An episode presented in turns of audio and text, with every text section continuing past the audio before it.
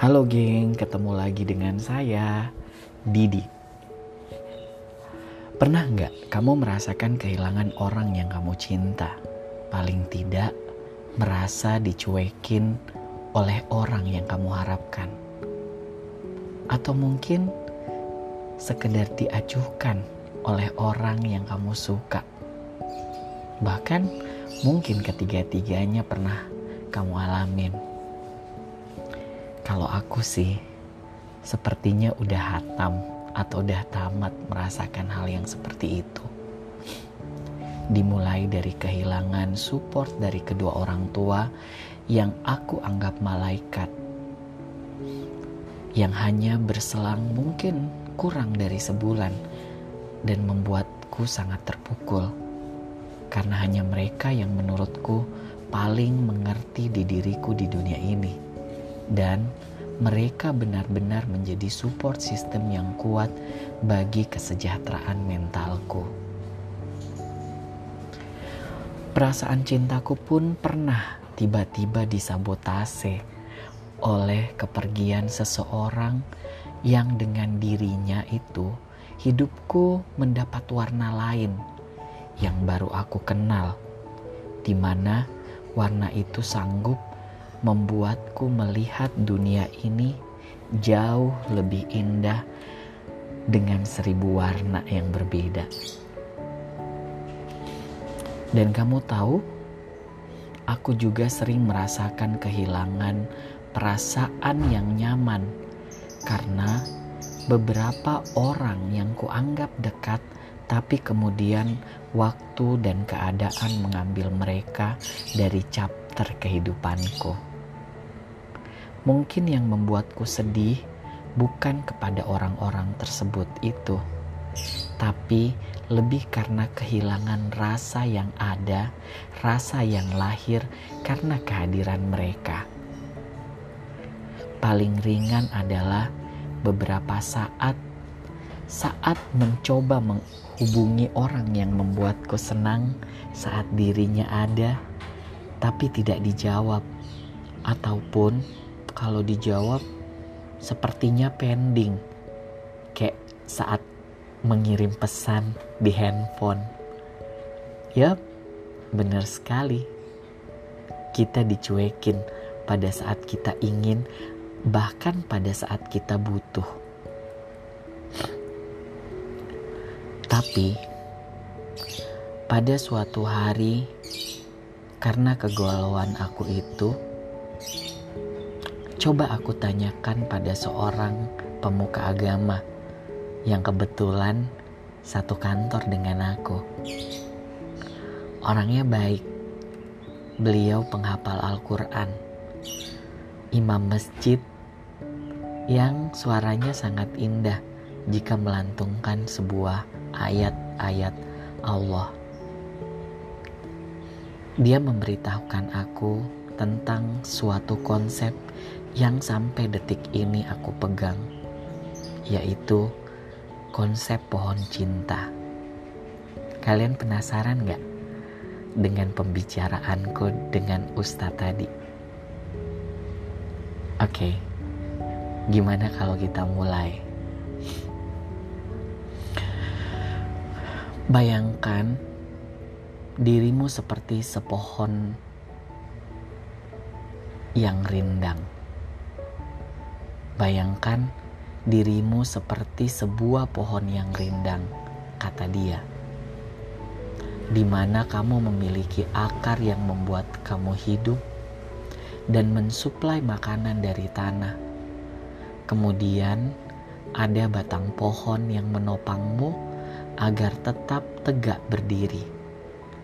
Lalu ada beberapa cabang utama yang tersebar di beberapa arah dan ada cabang dan juga ranting yang membuat kamu kelihatan hidup dan sebagai pelengkapnya terdapat banyak daun yang tumbuh menambah semaraknya kehidupan pohon itu.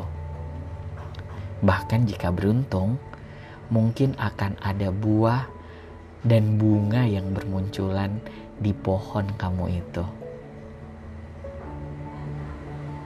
Mungkin di beberapa hari akan ada beberapa daun yang berguguran, terutama di musim panas.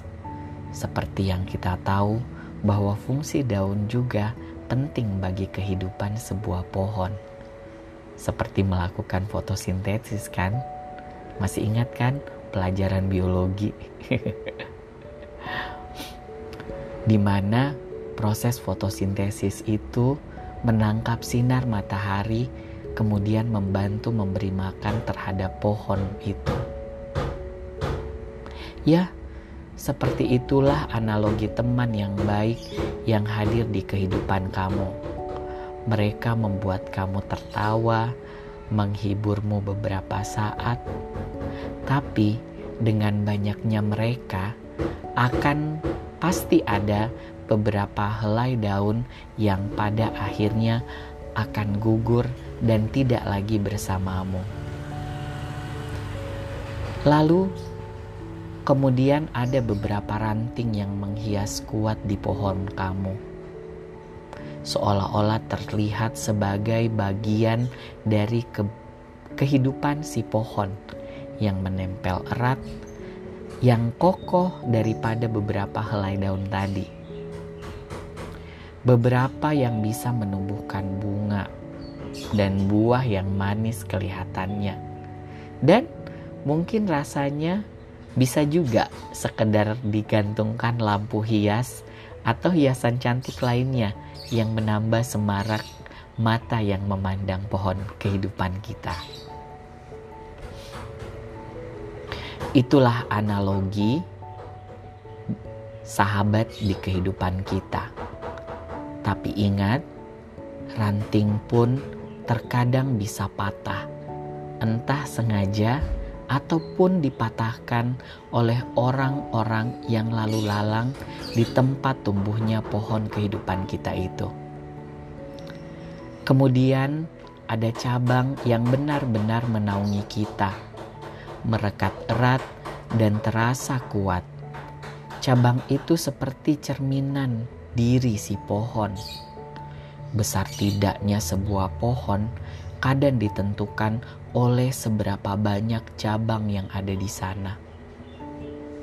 Cabang mengalirkan energi dan makanan pada sebagian dari kehidupan pohon cinta kita, sehingga pohon itu kuat.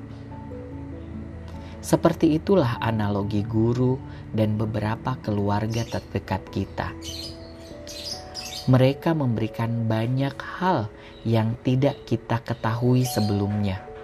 Bahkan bimbingan yang betul-betul bermakna di keberadaan kita. Mereka memberikan ilmu dan pengalaman yang berharga dan biasanya mereka melakukan itu tanpa pamrih seolah-olah kita mempunyai energi kehidupan dibantu oleh keberadaan beberapa cabang itu. Tapi ingat, terkadang kita tidak akan pernah tahu bahwa akan ada cabang yang patah ataupun rusak, disengaja ataupun tidak, di dalam kehidupan sang pohon. Pasti batanglah yang paling penting dalam kehidupan sang pohon. Karena batang menumpang hampir keseluruhan kehidupan sang pohon. Dimulai dari tumbuhnya pohon, menjulang tinggi ke atas sampai dengan kokoh atau tidaknya pohon ditentukan oleh keberadaan batang pohon. Dialah yang menentukan kekuatan si pohon. Dialah yang menemani pohon sedari kecil sampai bisa ditempati bersandar, dan mungkin batang itu adalah pohon itu sendiri. Begitulah kira-kira analogi orang tua ataupun orang yang membesarkan kita mereka merawat kita, melihat kita tumbuh, dan bahkan kadang menentukan kita akan menjadi pohon apa. Tapi apakah kamu tahu bahwa ada siklus yang bisa membuat sebuah pohon kehilangan batang dan pasti akan tumbang. Tapi sebuah pohon masih akan hidup selama akar masih bersama pohon itu. Apa pun bentuk pohon itu, akar akan tetap menjaga sebuah pohon agar bisa hidup. Akarlah yang memberi suplai makanan dari tempat yang terlihat ataupun tak terlihat oleh mata kita. Akarlah yang menunjang pohon agar bisa bertahan, bahkan akarlah tempat pohon itu berasal dan memulai segalanya. Selama pohon bisa menjaga akarnya, maka sebuah pohon akan selalu hidup, walau mungkin kehilangan segalanya.